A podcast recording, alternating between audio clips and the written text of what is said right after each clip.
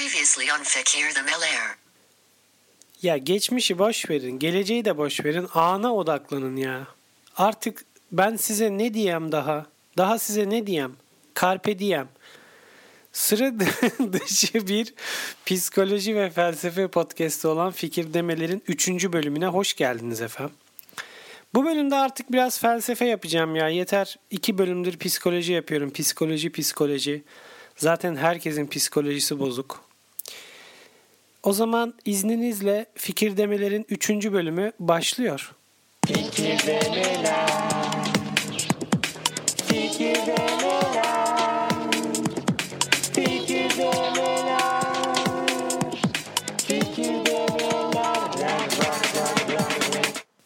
Evet, üçüncü bölümün konusu başarı nedir? Yani başarı nedir derken sözlüğü açıp da anlamını okuyup bitirmeyeceğiz herhalde değil mi? Şu kısımlara ayırdım bölümü. Kısım 1. Başarı nedir ve başarının tanımıyla başlayacağız.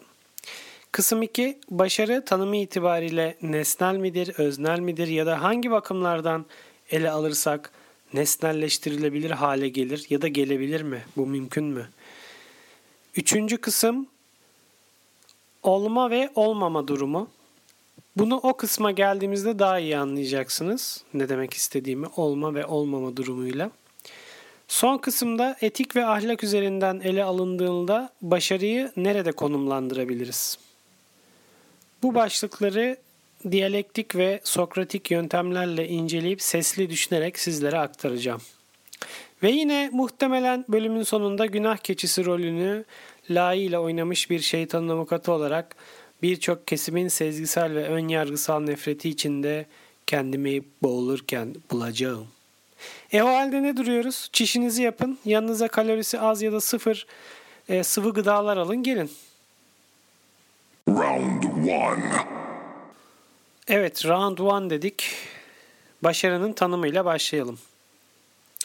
Başarı hakkında irdeleyeceğimizi söylediğim sorulara girmeden önce her tartışmada, sorgulamada bize zemin hazırlaması için yani e, daha doğrusu zaman kazanıp karşı tarafı gıcık ederek ad hominem kullanmaya zorlayıp galip gelebilmek için ya tabii ki öyle değil.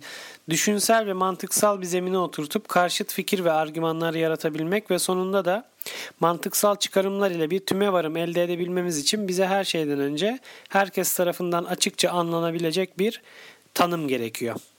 O zaman birkaç farklı kaynaktan başarının tanımını okuyalım.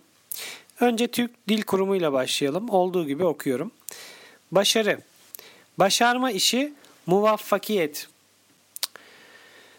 Öf, ne diyeyim yani daha daha başlar başlamaz bak sinirlendirdiler beni. Ama dur tamam sinirlenmeyeceğim. Haklıyken haksız çıkmayacağım. Yani saygıdeğer TDK bir kelimenin tanımını yine o kelimenin kendisini kullanarak e, o kelimenin yapılma hali olarak nasıl tanımlarsınız ya? Kaldı ki sonunda bir de muvaffakiyet var. Bir de şimdi muvaffak e, yabancı bir kelimenin kaynağını mı araştırmaya vakit harcayacağız? Neyse tamam onların bir bildiği vardır diyerek hemen sinirlenmeden referans verilen ikinci kelimeye bakıyoruz. Başarmak. Yine doğrudan okuyorum. Başarmak bir işi istenilen biçimde bitirmek. Yani o zaman e, TDK şöyle diyemez miydik en baştan? Başarmak bir işi istenilen biçimde bitirmek ise başarı da bir işin istenilen biçimde bitirilmesi durumudur. Yani ben bundan hiç ikna olmadım sevgili dinleyici.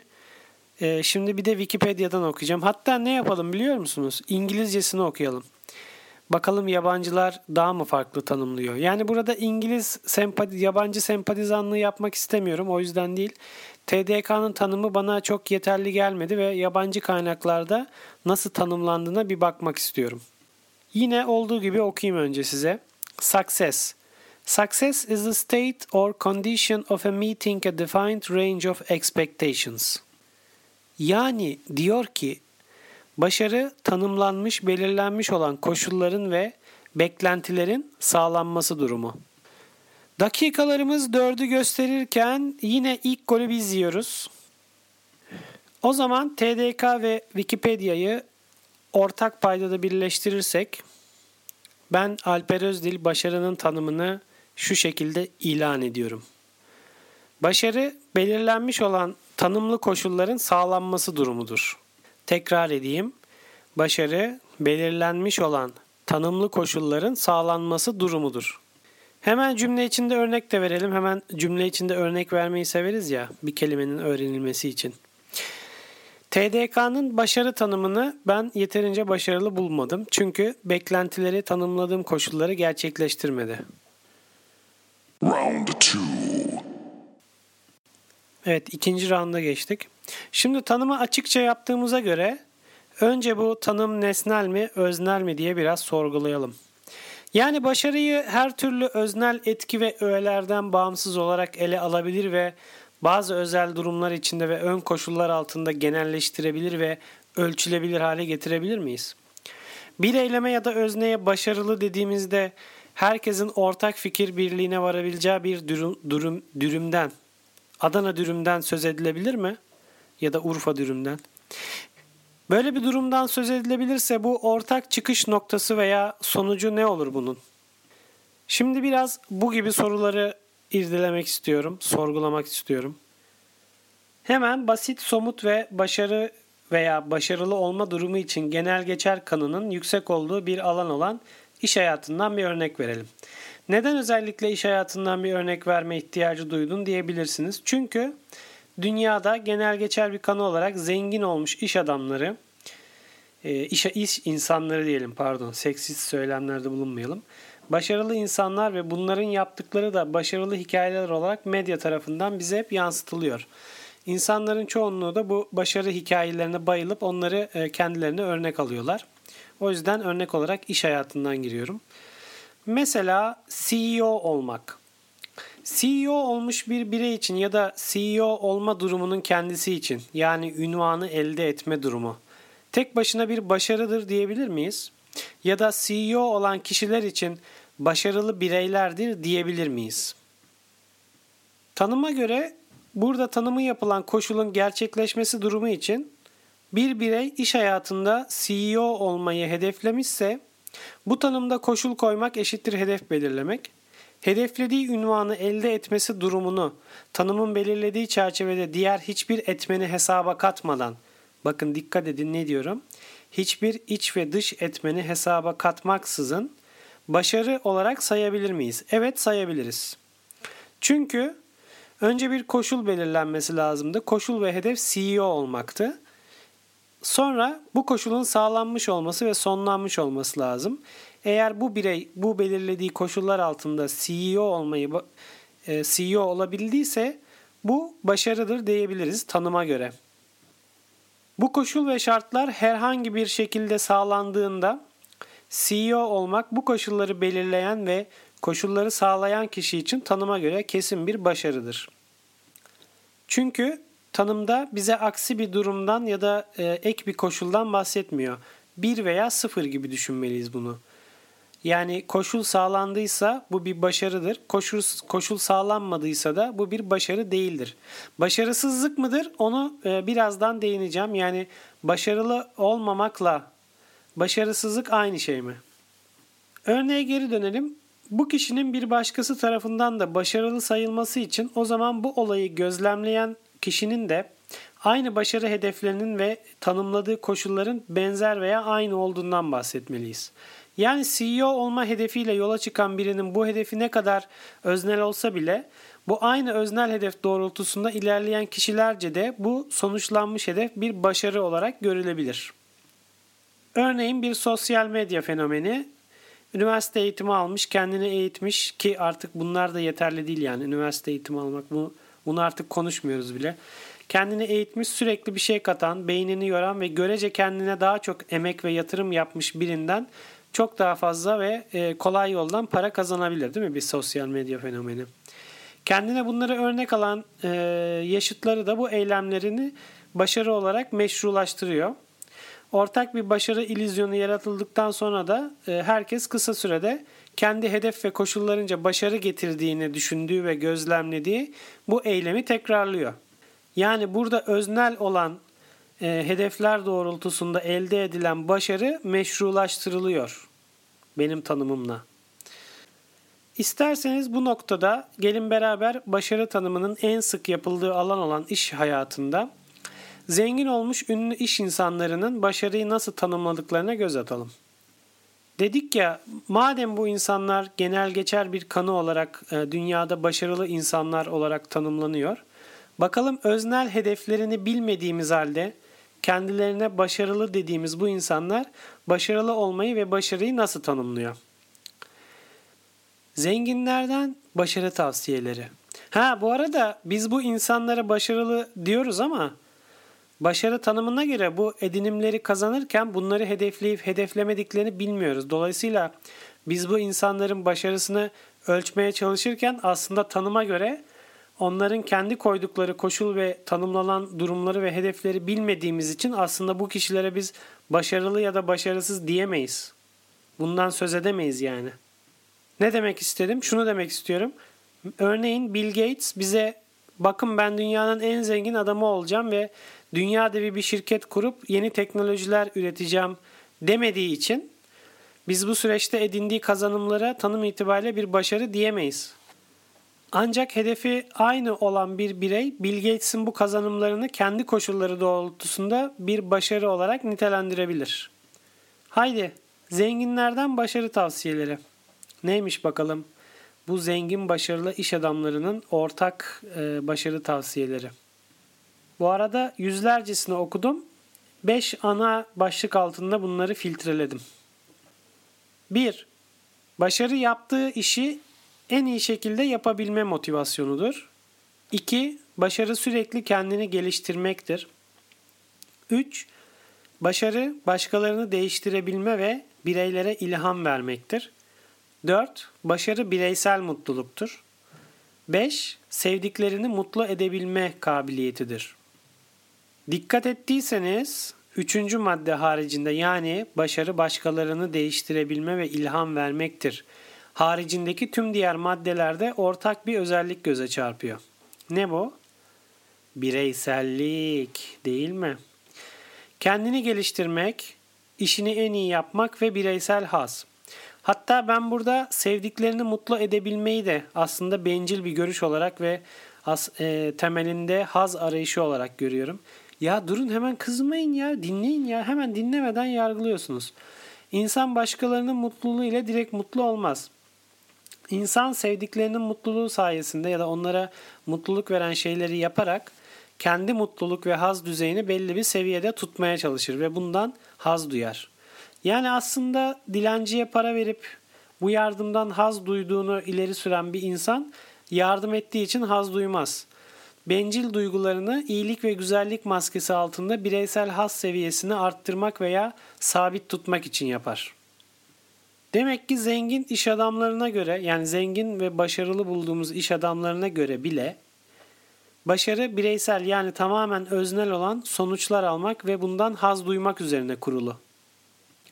Burada bir de egolarımdan arınmış bir şekilde bir parantez açmak istiyorum. Yani şu anda e, aklıma geldi bahsedeyim. Üçüncü sözü söyleyen yani başkalarına e, ilham olma ve insanları değiştirme. Başarıyı böyle gören kişi Obama'ymış. Obama'nın e, kişilik tipi yani MBTI kişilik tipi ya da 16 kişilik tipi birçok kaynakta farklı gösterilse de aslında çoğunlukla introspektir bir ENTP yani tartışmacı vizyoner deniliyor. Yani benimle aynı kişilik tipinde bir birey. E bundan bize ne diyebilirsiniz. Tabii ki bunu yani övün, övünmek için söylemiyorum. Ee, aynı MBTI kişilik tipi yani ENTP olan bir birey olarak başarı hakkındaki düşüncem ve görüşüm Obama'nınkiyle birebir aynı. Ve bu görüş yine başka bir ENTP olan Sokrates Efendi Hazretlerimizin e, başlattığı Sokratik düşünceler ve metotlarla da e, örtüşüyor. Yani burada affınıza sığınarak sadece sesli düşündüm. Konudan kopmak istemiyorum. Demek ki rastlantısal olmayan bir şekilde MBTI ya da 16 kişilik tiplerinin hayat görüşleri ve dünyayı algılayış biçimlerinin ötesinde öznel olan bir kavram için bile yaptıkları tanım ve koşullar neredeyse birebir aynı yani. Çünkü ben de başarıyı Obama'nın bu söyleminde ve Sokrates'in de bilgi, erdem, ahlak üçlüsünde ele aldığı gibi başkalarını değiştirme, fikirleri sorgulatma, ilham olma ve bilgisizliği açığa çıkarmak yolu ile insanları bilgi edinmeye zorlama olarak görüyorum ve e, bu görüşe, bu bilgi e, tanımına katılıyorum %100. Ve parantezi kapatıyorum. Bu arada e, MBTI ve 16 kişilik tipi ve onun çıkış noktaları olan Carl Gustav Jung'un bilişsel fonksiyonları hakkında daha detaylı bilgi almak için ilk bölümü dinleyebilirsiniz. Fikir Demeler pod yayınımın ilk bölümünde bunu işlemiştim. Haydi konuya dönelim ya amma kaynattık. Dersi kaynatmayın. Ne diyorduk? Zengin ve ünlü iş adamlarının ya da ünlü insanların başarıyı e, tanımlarken kullandığı sözler e, bireysel haz odaklı. Yani burada açıkça hedonizm izlerini görüyoruz. Bireysel hedefler ve hedeflere giderken ve sonucunda yaşanan bundan duyulan haz. Bu durumda hedefler ne kadar ortak da olsa başarının kendisinin tamamen öznel olduğunu ve bu sebepten de aslında hiçbir zaman ölçüleyemeye, ölçülemeyeceğini, ölçülemeyen bir sonucun da aslında bir ilüzyon ve yaşananlara bir anlam bindirme olduğunu söyleyebiliriz. Ben söylerim yani. Siz ne düşünürsünüz bilmem. Ancak bir kişinin öznel hedefi diğer insanlar ve toplumlar için bir ilham kaynağı olabiliyor ve bu e, hedef öznel olmaktan çıkıp meşrulaştırılmış ve genelleme yapılabilir bir hale gelerek genel başarı hikayesi olarak yansıtılabiliyor. Peki hep başarılı olma durumundan söz ediyoruz. Hep e, durumun olumlu tarafından bakıyoruz konuya. Peki o zaman başarı ile başarısızlığı karşılaştırırsak bakalım ne gibi durumlar ortaya çıkacak? Round 3 Üçüncü rounda geldik. Başta demiştim ya olması ve olmaması durumu yani 1 ve 0 durumu diyelim biz buna.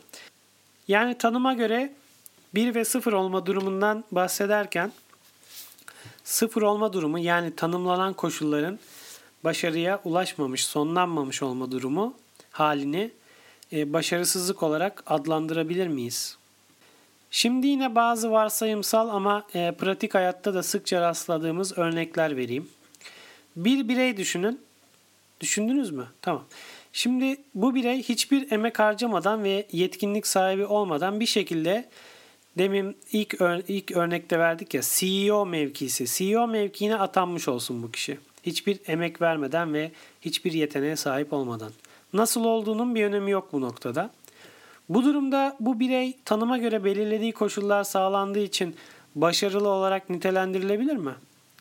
Diğer bir örnek, gerçekten emek harcamış, zorlukları atlatmış, e, yetkinlikleri ve özel yetenekleri ve zekası ile bu ünvana layık görülmüş biri. Bu da tanıma göre yine başarılıdır değil mi? Bu ikisi de günün sonunda aynı hedef ve ortak koşulları sağladığı için aynı derecede başarılıdır diyebilir miyiz? Yani başarının derecesini burada ölçebilir miyiz? Tanıma göre ölçemeyiz. Burada 1 ve 0 var sadece. Olma durumu ya da olmama durumu.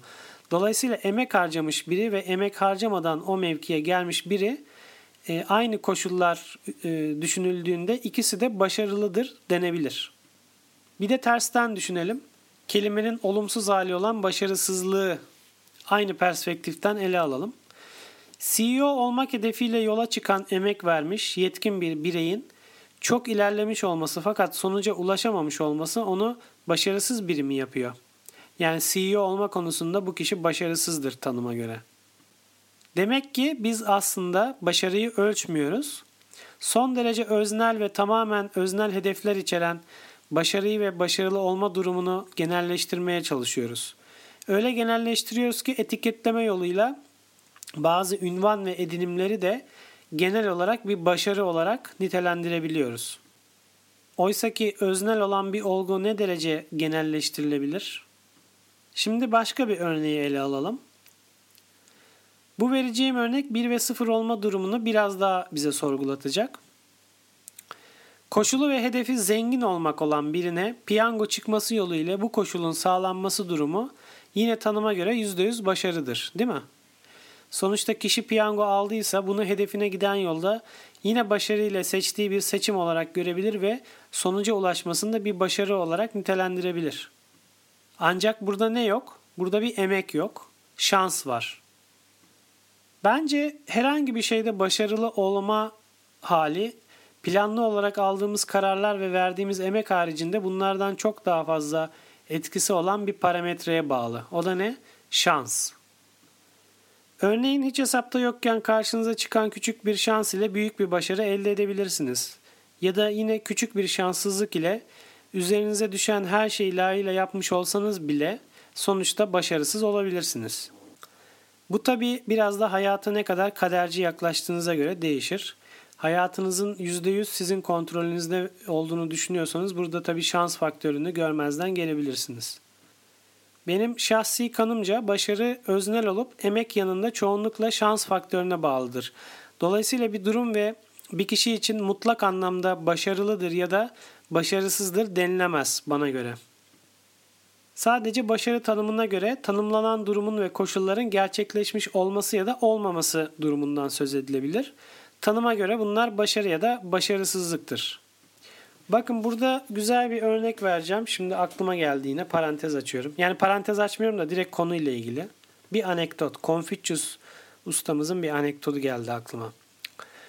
Bir gün öğrencilerinden biri o dönemde yaşayan e, düşüncede usta olduğunu düşündüğü yine Confucius'un kendi öğrencisi olan iki hocayı karşılaştırmak istemiş ve Confucius'a sormuş. Üstad, X hoca adlarını unuttum bu arada hocaların e, özür dilerim. X hoca ve Y hoca diyelim biz bunlara. Üstadcığım X hoca A konusu üzerinde çok ilerledi ve çözmüş, çözmüş olduğuna yakın olduğunu düşünüyor. Ancak B hocası A hocası kadar olayı çözmüş olmaya yakın değil ama güçlü argümanları ve düşünce metodları ile onu uzun vadede geçmeye yakın gözüküyor. Sence hangisi bu konuyu çözmeye daha yakındır diye sormuş. Confucius da demiş ki Hedefe ulaşmadığın sürece ne kadar hızlı ve doğru gittiğinin bir önemi yoktur. Ha, burada ne oldu şimdi? Yani burada Confucius'un da başarıyı kesin çizgilerle, keskin çizgilerle 1 ve 0 olarak tanımladığını görüyoruz. Önemli olanın hedefe ulaşılmış olması durumundan söz ediyor. Sonuçta Confucius bu sözü söyleyerek hedefe ulaştığı sürece bu arada yapılan hiçbir şeyin önemli olmadığından bahsediyor bize. Hemen o cin gibi aklınıza başka sözler de geldi değil mi? Benim aklıma şöyle bir söz geldi. Ee, savaşta her şey mübahtır. Savaş durumları içinde bu aynı görüş söz konusu. Savaşı kazanmak bir başarı ise bu yolda yapılan her etik olmayan veya anti-humanist eylem de mübah mı yani? Yani bunlar yapılarak kazanılmış bir zafer başarı mıdır? Zafere giden her yol mübah mıdır savaşta? Peki ahlaki zeminde ve etik açıdan değerlendirdiğimizde bunlar bizim kulağımıza doğru geliyor mu?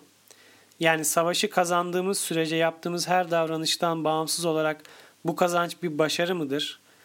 Ya da emek ve yeteneklerimizi kullanmadan edindiğimiz bir ünvan başarı mıdır? Hiçbir emek sarf etmeden şans yolu ile elde ettiğimiz kazanımlar birer başarı mıdır? ya da şanssızlık ve e, dış etmenler dolayısıyla harcadığımız emeklerimizin boşa gitmiş olması bir başarısızlık mıdır? Yani bu e, bireysel hazzı yakalamaya çalışırken etik ne derece önemli? Savaş durumu gibi durumlarda başarı etik olmayan yollarla edinildiğinde yine bu, bu başarı mı sayılmalı? Hadi gelin isterseniz son kısım olarak da başarıyı etik ve ahlaki temellerde irdeleyelim ve kültürel anlamda başarının tanımını e, değiştiren etkenler var mı? Kendi kültürümüz içinde başarıyı nasıl konumlandırabiliriz? Bunları bir sorgulayalım. Round 4 Adam ne güzel de söylüyor Round 4. Round 4'a geldik. Evet, etik, ahlaki ve kültürel açıdan başarı. Şimdi neden en başta iş hayatından CEO ünvanını örnek verdiğimi anlayacaksınız. Halk arasında sıkça e, sözü geçen biraz da mizah amaçlı söylenmiş ancak her şakada olduğu gibi gerçeklik payı olan bir atasözümüz ile de desteklendi, desteklenen bir sözümüz var. Neydi bu söz? Ben sana CEO olamazsın değil adam olamazsın dedim sözü. Ya şimdi anladınız mı neden baştan beri CEO ile yola çıktığımı? Burada da yani ataerkilliğimiz yine kendini gösteriyor. Gerçi insan olarak adam kelimesinin kullanımı bize özgü değil ki kaldı ki zaten ataerkillik de bize özgü değil. Bunun doğrusu ne olmalı? Ben sana CEO olamazsın değil, insan olamazsın dedim. Sanki kadınlar e, CEO olamıyormuş gibi değil mi? Neyse biz şimdilik şu ataerkillik ve seksist kısmını görmezden gelelim. Bu sözün kendisinin ne demek istediğine odaklanalım. Yani durduk yere mi böyle bir laf türetmişiz? Bunun altında yatan anlam nedir? Bunu bulmaya çalışalım.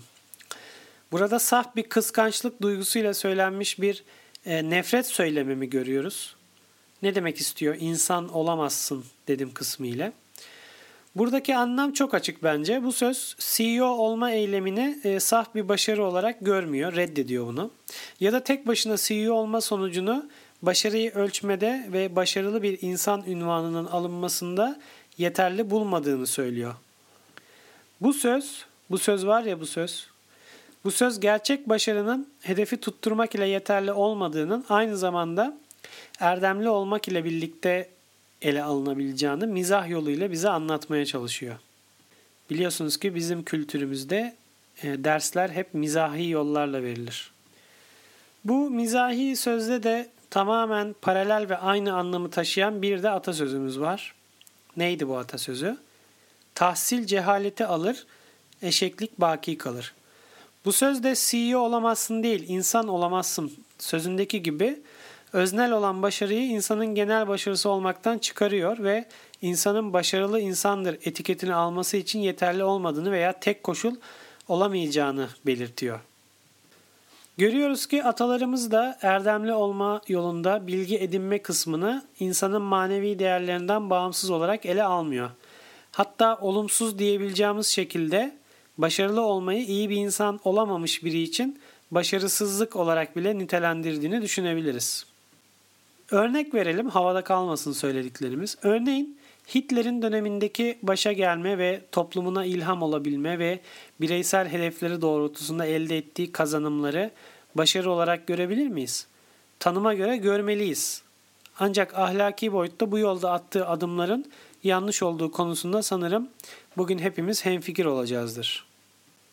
Burada e, kültürün bir bireyi olarak atalarımıza şu anlamda katılıyorum. Öznel olan bir başarı genelleştirilip meşrulaştırılmamalıdır. Çünkü tanımı itibariyle başarı her zaman öznel hedefler içermeye ve sadece bireyin kendisini ilgilendirmeye mahkum. Kişinin bireysel başarısı onun e, kişiliği, erdemi ve ahlak algısı hakkında bize bir ipucu vermez. Dolayısıyla bireysel başarısı insana atfedilecek genel bir başarı olarak ya da insanlığa atfedilecek genel bir başarı olarak nitelendirilmemelidir. Hatta kişinin toplum ile olan ilişkisi ve bağlı olduğu kültürün kendi temelinde erdemli olabilmesi tüm başarılarının ve bilgisinin de ötesine geçebilir. Bir önceki kısımda değindiğimiz gibi bu görüş Confucius'un hedefe ulaşma yolunda başarıyı 1 ve 0 olarak görmesi ile veya savaş durumlarında etik olmayan davranışların mübah olması ve şans faktörünün yardımı ile başarıya ulaşmış olan birinin tanıma göre başarılı olması ile kesinlikle ve kesinlikle örtüşmüyor. Bireysel hedefini tutturmuş biri ancak erdemli olabildiği sürece bu başarısını meşru kılabilir ve buna bir anlam yükleyebilir. Bu atasözüne ve eski kültürümüze göre eski diyorum tabii çünkü artık günümüzde tüm dünyada olduğu gibi bizim toplumumuzda da bireysel başarı ya da meşrulaştırılıp genelleştirilmiş ortak görüşe mensup bireysel başarılar arkasında erdemli olma gerekliliğini görmüyoruz. Yani aslına bakarsak da toplum davranışlarını çok iyi analiz edebilen Confucius Hoca Efendimizin 1 ve 0 olarak tanımladığı şekline gelmiş durumda başarı. Evet sevgili dinleyiciler maç bitti. 4 roundtu. Bütün roundların sonuna geldik. Benim başarı hakkında söyleyeceklerim bu kadar. Önce başarının tanımını yaptım. Öznel veya nesnel olma durumlarını inceledim. Toplum tarafından nasıl kabul gördüğünü ve etik ve ahlaki boyutta nasıl ala nasıl ele alabilir ala ol, nasıl ele alabiliriz'i sesli düşündüm.